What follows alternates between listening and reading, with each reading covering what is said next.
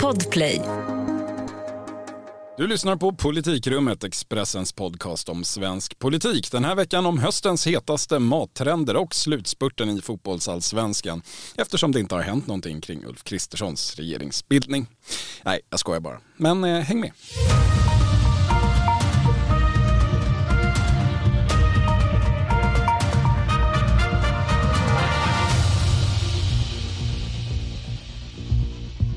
Ja, det är tisdag den 4 oktober, den årliga märkesdagen för bråket om huruvida det är kanelbullens dag eller en dag för att minnas demonstrationen mot löntagarfonder 1983. Alltså den enda gång som moderater och folkpartister har gått ut på gatorna för att uttrycka en inrikespolitisk åsikt. Här i politikrummet firar vi som vanligt bara att det är tisdag och vi som gör det är jag, Viktor Bartkron och du, Helena Gissén. Hej! Hej! Frågan alla ställer, till mig, sannolikt till dig, är följande. När får vi en regering? Eller i vissa fall, får vi en regering? Ja, Vad svarar jag, vi Jag har hört veckan? den frågan också väldigt många gånger och eh, svaret är det vanliga. Förhandlingarna tuffar på i konstruktiv anda. Har du hört den meningen förut? Jag tänkte säga, det där låter som eh, ett moderat svar eh, snarare än vårt, men absolut. Det är standardsvaret från eh, det blivande regeringsbärande partiet. Just det. Ja. Men imorgon onsdag ska ju Ulf Kristersson avrapportera till talmannen hur det går för honom och eh, sedan så har han ju eh, ytterligare en vecka på sig att få till det. Så ska vi gissa på att det blir så att han avrapporterar att förhandlingarna tuffar på i konstruktiv anda imorgon då Ja, det- hos talmannen och sen att han får ihop dem en vecka. Vad, vad är magkänslan? Ja men min magkänsla är väl att det här är så viktigt så att eh, de måste få till det om en vecka. Vad tror du? Ja, jag har lite samma känsla. Alltså hur, vad som egentligen är lång eller kort tid här, det är ju en subjektiv fråga och eh, det finns inget riktigt facit eh, med den historiska jämförelser och då väljer ju alla inblandade eller icke inblandade de som passar bäst. Mot Stefan Löfvens regeringsbildning 2014 så har ju Ulf Kristersson då redan förlorat för den tog bara 19 dagar. Lite enklare förutsättningar som vi inte behöver gå in på. Men kan man ta andra exempel? I Tyskland brukar det ta åtskilliga månader. Senast tog det en bit över två månader. Det är helt normalt där. 2018, då tog det ju över fyra månader här i Sverige. Det gillar ju de borgerliga att framhålla nu, men det är ju knappast ett superrelevant mått eftersom 90-95% av den tiden eh, gick åt till att vänta på att Centerpartiet skulle bestämma sig för vad de egentligen skulle förhandla om och själva förhandlingarna tog ju något tiotal dagar den gången. Men den här gången så vill ju Sverigedemokraterna ha ett avtal som är betydligt mer omfattande än januariavtalet som man då fick till den gången. Så att det kanske ändå inte är helt orimligt att det tar några veckor ändå. Men tyvärr, inga läckor idag heller. Nej, och vi är nu inne på vecka fyra om jag har räknat rätt och får se om det blir en femte och sjätte också. Den nya regeringens politik är alltså än så länge mestadels okänd materia. Men en sak kom ut igår måndag, det kändes jättespännande faktiskt. Eh, då var det då nej till höghastighetståg. De fyra partierna till höger lämnade in en gemensam motion i riksdagen där man talade om att regeringens, alltså den sittande regeringens, ännu sittande regeringens planer på nya stambanor är en dålig idé, ohyggligt dyr, uppåt 400 miljarder, som skulle tränga undan nödvändiga och samhällsekonomiskt mer lönsamma infrastrukturinvesteringar.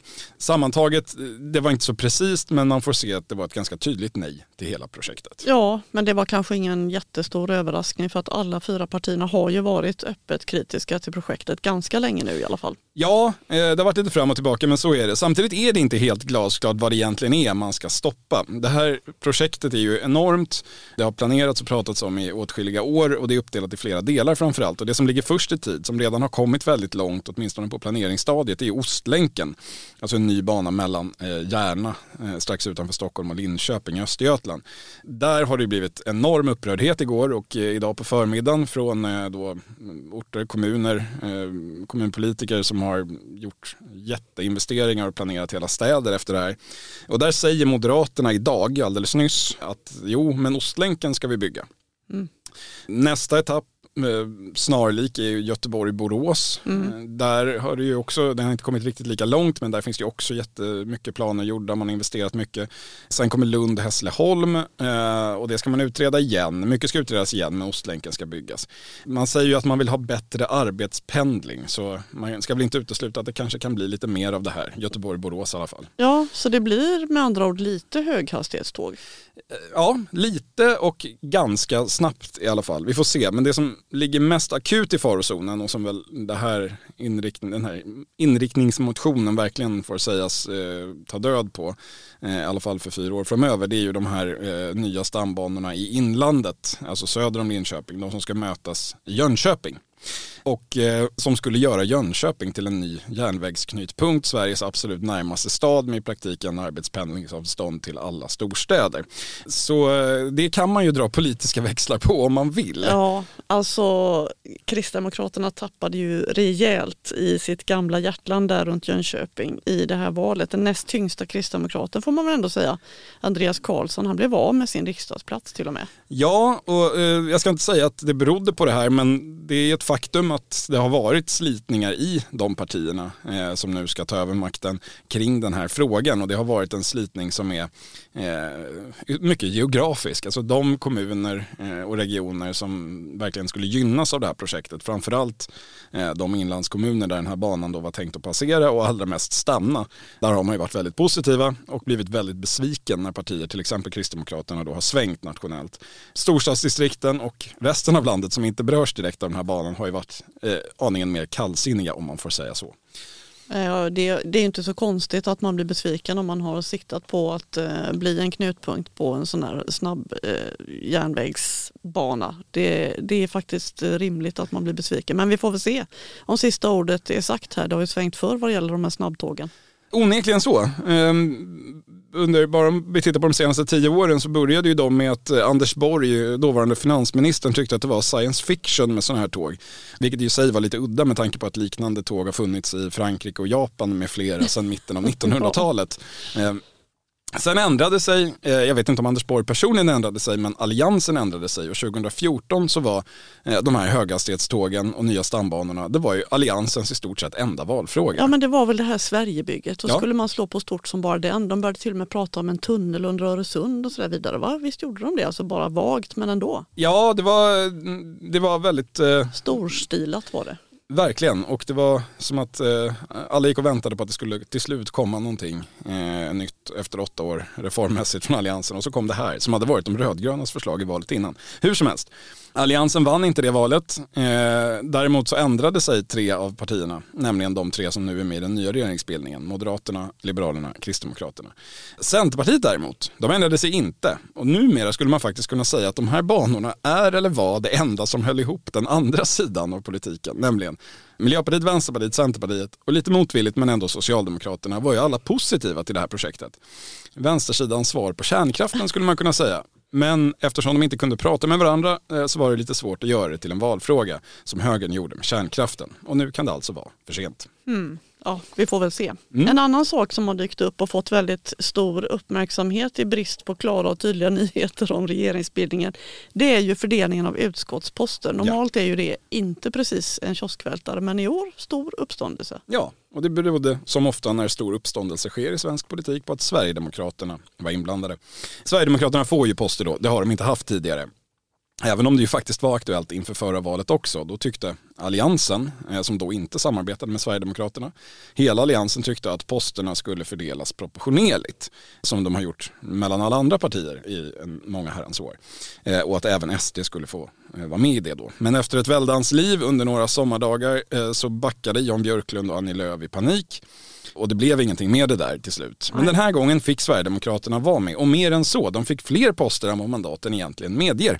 Kanske som ett slags tröstpris från de borgerliga som inte vill ge dem statsrådsposter. Ja. Ja, ja, men just det. Jag tror väl kanske att det ligger någonting i det. Det blev ju till stor del klart i fredags då vilka partier som skulle få leda vilka utskott. Och eh, det som fick en och annan att höja på ögonbrynen då och som verkligen ledde till stenhård kritik från oppositionen, eller ja, den, den avgående, den avgående regeringen, det var ju att Sverigedemokraterna fick ordförandeposten i fyra utskott och att i alla fall två av dessa är faktiskt blytunga. Eh, för nu ska då Richard Jomshof, den omstridde före detta partisekreteraren eller han kanske fortfarande är partisekreterare men avgående. Ja precis, han ska sluta vara det för att istället bli ja, eh, ordförande i justitieutskottet. Ja precis, eller straffnämnden som de kanske vill döpa om det till. Ja vi får väl se.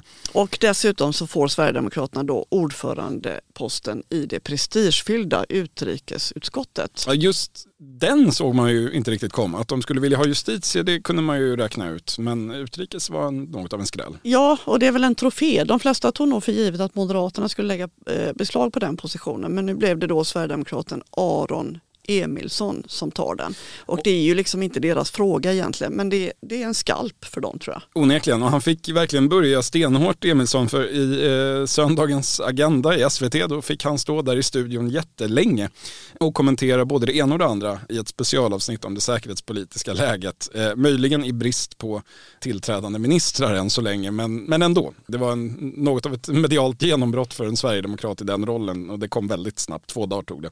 Så hur ska vi tolka allt det här då? Jo men jag tror man får tolka det så som du sa, nämligen att det här är priset, eller i alla fall ett av prisen. Vi vet ju inte resultatet av alla förhandlingar ännu, men ett av prisen för att de, trots att de då är största parti i regeringsunderlaget, inte får sitta i regeringen. Allting talar ju för att de inte får det.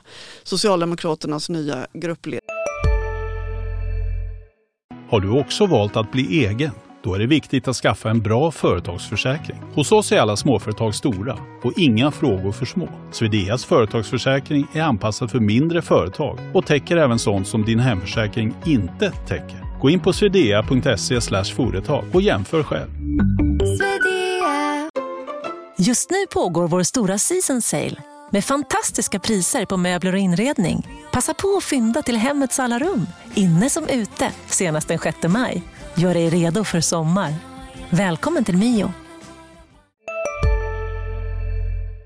Hon rasade ju då mot att Sverigedemokraterna får de här posterna. Och då pratar vi om Lena Hallengren. Ja exakt och raseriet har ju överhuvudtaget varit väldigt omfattande men ska sanningen fram så brukar ju egentligen väldigt få människor känna till vilka som leder riksdagens utskott. Jag menar Richard Jomshofs företrädare i justitieutskottet Fredrik Lund Sammeli har inte precis gjort något väsen av sig. Och det har ju faktiskt inte Aron Emilssons företrädare heller. Vilka väljare har hört talas om Kenneth G Forslund? Ja, möjligen då några sen i förra veckan när han då blev förflyttad till posten som vice talman. Eh, han är socialdemokrat alltså. Forslund. Men det har de flesta säkert glömt för det var ju flera dagar sedan. Ja, just det. Och den andra lite intressanta iakttagelsen man skulle kunna göra då i hela det här spelet det är att eh, avgående klimat och miljöministern Annika Strandhäll och avgående infrastrukturministern Thomas Eneroth inte fick bli gruppledare i något utskott, vilket vissa tolkar som att de petades. Hon är ju allmänt omstridd för sitt twittrande. Petades internt av partiet? Ja, partiet, ja. ja exakt. Hon är ju väldigt omstridd får man väl säga för jo. sin ton på Twitter och så vidare.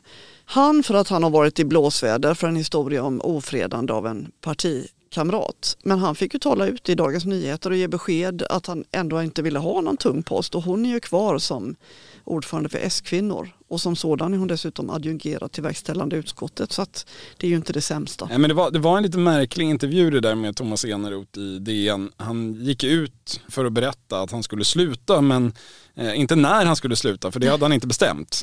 Eh, så utan att vara alltör konspiratorisk så kändes det som att Eh, både beslutet och det här utspelet i DN kan ha varit ganska snabbt eh, ihoprafsat med anledning av den uteblivna eh, positionen. Då, kanske. Ja men det var ju verkligen den känslan man fick tycker jag. Mm. En annan sak värd att notera i det här sammanhanget är att den avgående justitieministern Morgan Johansson petades från rättsområdet snett uppåt eller i alla fall åt sidan. Om det nu var en petning. Men jag menar han har inte varit alltför framgångsrik i brottsbekämpningen. Eh, nu blir han då gruppledare i utrikesutskottet, vice ordförande med en sverigedemokrat som ordförande. Den stora diplomaten Morgan Johansson. Ja, så vi får väl se hur det går. Och nu är Ardalan Shekarabi eh, den som har blivit betrodd med området dagordning. Det är en prioriterad fråga för Magdalena Andersson och jag tolkar detta som en tydlig bekräftelse på att han fortfarande är up and coming i Socialdemokraterna. Ja, han har ju varit det ett tag nu får vi säga. Han, men det är klart, han, trots det så är han bara 44 år. Det är 10 år yngre än vad Magdalena Andersson var när hon blev partiledare. Som ju alla utgår från är Ardalan Shekarabis mål sen eh, födseln. ja, precis. Men för oss som har varit med länge så är han ju en veteran verkligen. Jag minns att jag häckade utanför eh, SSUs lokaler 2005 var det väl när han anklagades för att ha använt medlemmarnas pengar till sin egen valkampanj då för att bli SSUs ordförande.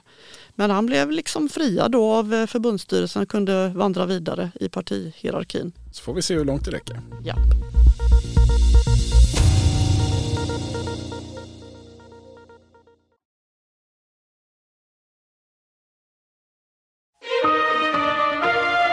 I förra avsnittet av Politikrummet så pratade vi en del om Centerpartiets jakt på en efterträdare till Annie Lööf. Och vi råkade väl lova att det skulle finnas eh, foder här för ett halvårs avsnitt av den här podden.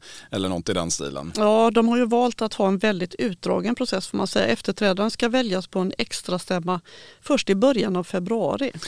En eh, resa som pågår större delen av vintern och hösten med andra ord. Eh, det som har hänt sen sist då eh, är att vi har fått en första kandidat. Emma Wiesner har anmält intresse. Hon är 29 år, Europaparlamentariker, utbildad civilingenjör, profilerad framförallt i klimatfrågor. Och allt tyder på att det här är en seriös kandidatur. Ja, absolut. Eh, hon gick eh, ut genom en stor intervju i Dagens Nyheter, naturligtvis. Det moderna Centerpartiets svar på land lantbruk eller något. Dock fotograferad framför ett rött hus på landet. Ja, så Eh, nytt och gammalt, inga konstigheter.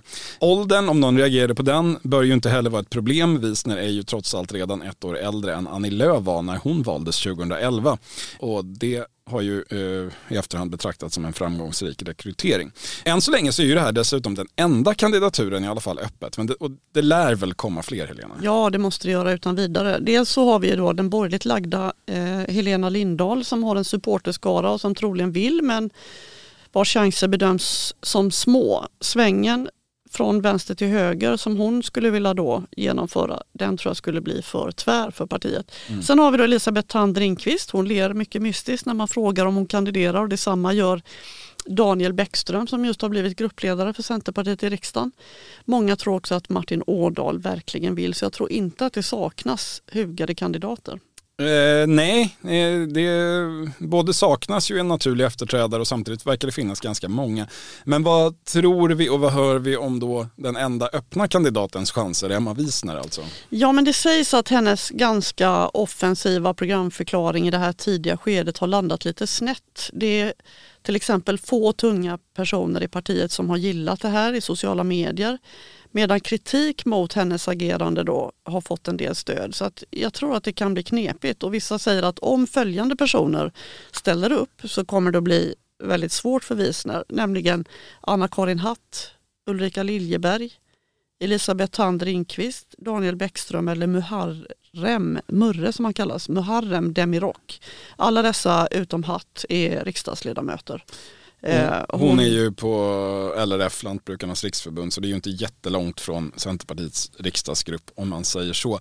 Men okej, det låter ändå som att det är ganska många att passera då för en Wiesner-kandidatur. Eh, att ingen av de här skulle ställa upp känns ju ganska osannolikt. Ja, och sen så hon anses vara stockholmare och eh, med väldigt liten erfarenhet, har inte erfarenhet av kommunpolitik eller riksdagspolitik och så vidare. Så att jag tror också att det är lite, lite tufft. De andra kan ha goda chanser enligt flera källor och sen så pratas det även om Emil Källström du vet som var han var ju ekonomisk politisk talesperson och eh, tidigare absolut kronprins men han hoppade ju av riksdagen. Ja. Eh, men han är ju en tydlig högerkandidat också och det är väl oklart egentligen om partiet är redo att ta det klivet nu. Ja, och när vi säger högerkandidat så menar vi ju egentligen att han var på den sidan som för, hade föredragit att släppa fram Ulf Kristersson Exakt. för fyra år sedan snarare ja, än att sätta sig i samarbete med oss. Ja. Han har inte uttalat någonting själv om hur han ser på läget. Jo han har sagt bara, ja inte om vänster-höger men han har ju sagt att han inte är kandidat. Ja precis mm. men inte, han har inte sagt att om jag kandiderar så Nej. vill jag eh, springa åt höger. Nej. Men eh, vi utgår från det. Men eh, du pratade Helena med valberedningen. Eh, det låter som att det är du som är kandidat. Det är du inte hoppas jag. Nej, jag lovar. Men du pratade med valberedningen i journalistiskt syfte så sent som idag. Och den här valberedningen var ju väldigt hemlighetsfull i förra veckan. Eh, har det börjat lätta något eller är processen alltjämt höljd i samma kompakta dunkel som då? Ja, men mycket är fortfarande höljd i dunkel men en del har väl klarnat. Valberedningens ordförande Jan Andersson har jag pratat med. Han vill mm. fortfarande inte säga själv hur länge nomineringsprocessen ska pågå men andra uppger då att deadline är den 14 oktober. Eh, ingen vet i valberedningen ännu hur många personer som har blivit nominerade. Det är inte sammanställt helt enkelt och valberedningen har inte ställt en skarp fråga till någon ännu har han sagt. Men eh, så vi är på det klara med den här nomineringsprocessen. Det är alltså inte så att man måste gå ut och anmäla sig själv offentligt i en intervju med Dagens Nyheter utan det kan även ske på annat sätt. Ja, det får man utgå ifrån. Så småningom ska i alla fall valberedningen gallra i mängden nominerade och så blir det några stycken då som får delta i den här som de kallar för den öppna kandidatpresentationen. Det låter som en djurutställning. Nästan. Ja, eller hur. Och eh, det är väl det det är. Förra gången så var det tre personer som ställde upp. Eh, det var ju Löv, Anna-Karin Hatt och Anders, Anders W Jonsson. Precis, de turnerade runt och visade upp sig. Och det är inte alls säkert att det blir antalet tre. Det kan vara två eller fyra, eller ja, det får vi se. Den här gången så kan dessutom en del av den där presentationen skötas digitalt, tror valberedningens ordförande som också bekräftar att den här öppna uppvisningen kommer att ske någon gång före jul. För sen hinner de inte riktigt för att valberedningen ska gallra igen och så ska de komma fram till en person och den personen ska föreslås minst en vecka före extra stämman den 2 februari. Ja men okej, men före jul och så drar vi av ett par veckor där. Det betyder ju egentligen före Lucia och så ska det hållas en möten runt om i Sverige. Då, ja. då är det här plötsligt en ganska... Ganska snart. Ja, det, det, är kanske inte en så riktigt så utdragen process i praktiken Nej. som det låter som. Jag kan tänka mig att den där presentationen blir i november. Mm, det Eller börjar då i alla fall. Och nu är det ju redan oktober. Mm, eh, hur är då stämningsläget i detta annars eh, så stämningsdrivna parti vad gäller det här och annat? Vet vi något om det? Alltså man vet bild? inte jättemycket. Eh, det är svårt att prata med centerpartister även nu men lite grann hör vi ju. Och eh, nu gäller det att samla stöd för sina kandidater så att det sägs här och var att det är vässade knivar och inte särskilt mysig stämning överallt. Eh, det säger vissa personer man talar med som har insyn då i det här spelet som pågår. Mm. Det återstår att se om de lyckas hålla det så internt som de brukar göra eller om vi ser Centerpartiet eh, utvecklas till ett nytt Liberalerna. Vi fortsätter eh, såklart att följa utvecklingen i Centerpartiet och eh, vi följer även den mer akuta frågan om huruvida vi får en regering eller inte. Politikrummet tillbaka nästa tisdag om inte himlen rasar in som Ulf Kristersson brukar säga. Tack för idag Helena. Tack själv. Och tack till er som har lyssnat. Hörs om en vecka. Hej hej.